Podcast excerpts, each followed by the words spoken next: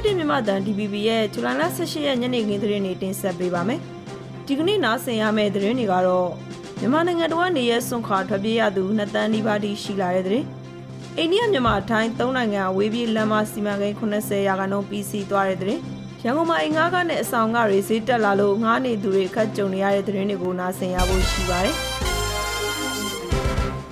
စီရေးပရိပခတွေနဲ့တဘာဝဘေးအန္တရာယ်တွေကြောင့် မြန်မာနိုင်ငံတော်ကနေရဲစွန့်ခွာထွက်ပြေးရသူနှစ်တန်းနီးပါးတိရှိလာနေပြီးအရေးပေါ်အသက်ကယ်အကူအညီတွေလိုအပ်နေတယ်လို့ကုလသမဂ္ဂလူသားချင်းစာနာမှုဆိုင်ရာညှိနှိုင်းရေးရုံး UNOCHA မြန်မာကပြောပါတယ်။အဆိုပါပြည်ရင်းနေရဲစွန့်ခွာရသူတွေဟာမရေရတဲ့စာဝင်တွေရဲ့ခက်ခဲတွေနဲ့ရင်ဆိုင်နေရတဲ့ပြည်မြန်မာနိုင်ငံနောက်ဘက်ခြမ်းမှာလည်းအင်အားပြင်းမိုခါဆိုင်ကလုန်းမုန်တိုင်းဝင်ရောက်တိုက်ခတ်ပြီးနှစ်လအကြာမုန်တိုင်းတည်ထိခိုက်ခံရသူတွေကိုကူညီထောက်ပံ့မှုတွေတိုးချဲ့ပေးအပ်နိုင်ဖို့လည်းလိုအပ်နေတယ်လို့ဆိုပါတယ်။လက်တလုံးမှာတော့2023ခုနှစ်6လတာကာလအထိ ရောက်ရှိလာပေမဲ့လူသားချင်းစာနာထောက်ထားမှုဆိုင်ရာတုံ့ပြန်မှုအစီအစဉ်နဲ့မုခမွန်နိုင်ရေးပေါ်တုံ့ပြန်မှုပေါင်းစည်းရေးရန်ပုံငွေအမေရိကန်ဒေါ်လာ886.8တန်းကလိုအပ်နေတဲ့ရန်ပုံငွေရဲ့19ရာခိုင်နှုန်းသာရရှိနေသေးတယ်လို့လည်းထုတ်ပြန်ချက်မှာဖော်ပြပါတယ်။မိုးပြည်နယ်တန်ဖြူစရမြို့နယ်မှာဇူလိုင်လ18ရက်ကစပြီးမိုးတက်ထန်စွာရွာသွန်းကမနက်2နာရီဝန်းကျင်မှာတန်ဖြူစရမြို့နယ်9မိုင်ခန့်အကွာရှိပငါကြီးရွာမှာရေကြီးရေရှမ်းနေလို့သိရပါတယ်။ ဒါပြင်တန်ဖြူစရဲမြို့နယ်ပငါကြီးရွာနဲ့ဂရုတ်ပီကြီးရွာတွေကိုဖျက်တမ်းသွားလာနေတဲ့ခရီးသည်တွေဈေးအောင်သမားတွေခြံလုံသမားတွေအားလုံးအနေနဲ့ရေဘေးကြောင့်အနေရီမကြရောက်အောင်ဂရုစိုက်သွားလာကြဖို့ပငါပရိုက်တာအသင်းကတိုက်တွန်းထားပါတယ်။အခုတစ်ပတ်အတွင်းဘင်္ဂလားပင်လယ်အော်မှာမုတ်တုံလီဆက်လက်အားကောင်းလာနိုင်တာကြောင့် ကမ်းရိုးတန်းဒေသတွေနဲ့မြောက်ပိုင်းဒေသတွေမှာမိုးကြီးမိုးများနိုင်ပြီးမြို့ပြနဲ့မြစ်ချောင်းတွေရေကြီးရှမ်းနိုင်ခြေရှိတယ်လို့ NUG လူသားချင်းစာနာထောက်ထားရေးနဲ့ BNN ဆိုင်ရာစီမံခန့်ခွဲရေးဝန်ကြီးဌာနကခန့်မှန်းထုတ်ပြန်ပါတယ်။အိန္ဒိယမြန်မာထိုင်းသုံးနိုင်ငံဝေးပြေးလမ်းမစီမံကိန်းဟာအလွန်ခက်ခဲတဲ့စီမံကိန်းတစ်ခုဖြစ်ပြီးဒီစီမံကိန်းကိုဆက်လက်ဆောင်ရွက်နိုင်မဲ့နည်းလမ်းတွေကိုရှာဖွေရေးဟာ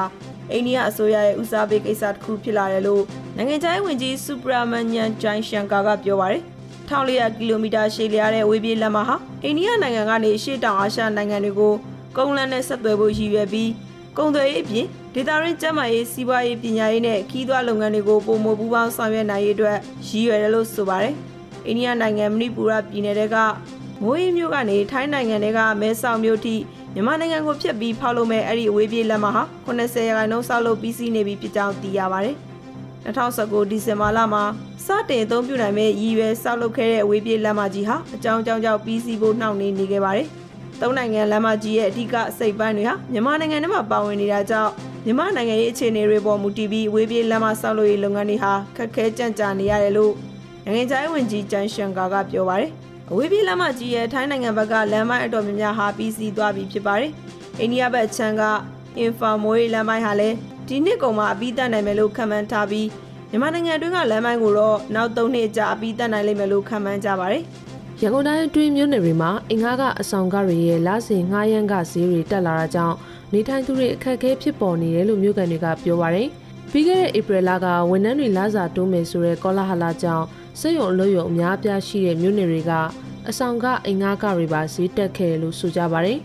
လိုင်သာမြို့နယ်ကအဆောင်ကတွေဟာ၃ယောက်နေထိုင်ရတဲ့အခန်းတစ်ခန်းကိုကျပ်9000ကနေ9000အထိရှိခဲ့ပြီးဇူလိုင်လဆန်းပိုင်းကစလို့ကျပ်ငွေ1000ခန့်အထိအင်ရှင်တွေဘက်ကတိုးတောင်းလာတယ်လို့အဆောင်နေထိုင်သူတဦးကပြောပါတယ်။အိမ်ဆောက်ပစ္စည်းဈေးတက်လာတာကြောင့်အိမ်ကန်းနဲ့အဆောင်ပြုပြင်ထိန်းသိမ်းကတွေဈေးပိုကြီးလာတယ်လို့သိရပြီးတပ်ဆိုင်ရာမြို့နယ်စီပင်နဲ့ရက်ွက်ရုံးတွေကလည်းအဆောင်နဲ့အိမ်ငါးပိုင်ရှင်တွေကိုလစဉ်အကြောင်းမဲ့ငွေတောင်းတာမျိုးတွေရှိတာကိုကြုံတွေ့နေရတာပါ။ ကျောင်းတွေတင်တန်းတွေအလုပ်တွေနဲ့နီးတဲ့အင်းစိန်လမ်းမပေါ်မှာဆိုရင်အထက်ပေါ်မူတည်ပြီးအနည်းဆုံး3သိန်းကနေ6သိန်း10သိန်းလောက်အထိငားကြတယ်လို့ကမာရွတ်မြို့နယ်ရှိအိမ်ပွဲစားတဦးကပြောပါရယ်အိမ်အဆောင်9ရန်ကတွေဈေးတက်လာပေမဲ့အလုံးလောက်ကင်သူတွေရဲ့လောက်ခလာစာတိုးမြင့်ရတာမျိုးတွေမရှိသလောက်နေပါတာကြောင့်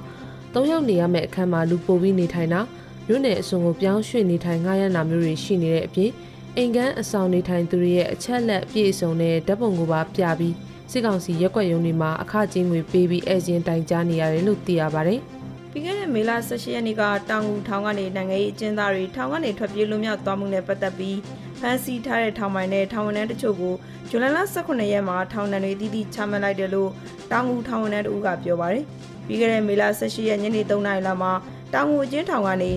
ရုံးထုတ်စစ်ဆေးဖို့ခေါ်ထုတ်လာတဲ့အ ချုပ်သား41ယောက်ထဲကနိုင်ငံရေးကျင်းသား10ယောက်ကတကားတွေကိုကန်ဖွင့်ကလုံခြုံရေးဖြစ်လိုက်ပါလာတဲ့ရဲနဲ့စစ်ကောင်စီစစ်သားတွေစီကနေတနက်လူပြီးပြစ်ခတ်ထွက်ပြေးသွားခဲ့တာလို့နိုင်ငံရေးကျင်းသားတယောက်စီကသိရပါတယ်။သူတို့အထက်ကတယောက်ကြဆုံးပြီး9ယောက်လွတ်မြောက်နေမျိုးကိုရောက်ရှိသွားကြောင်းစစ်ကောင်စီဘက်ကတော့2ယောက်သေဆုံးခဲ့တယ်လို့ဆိုပါတယ်။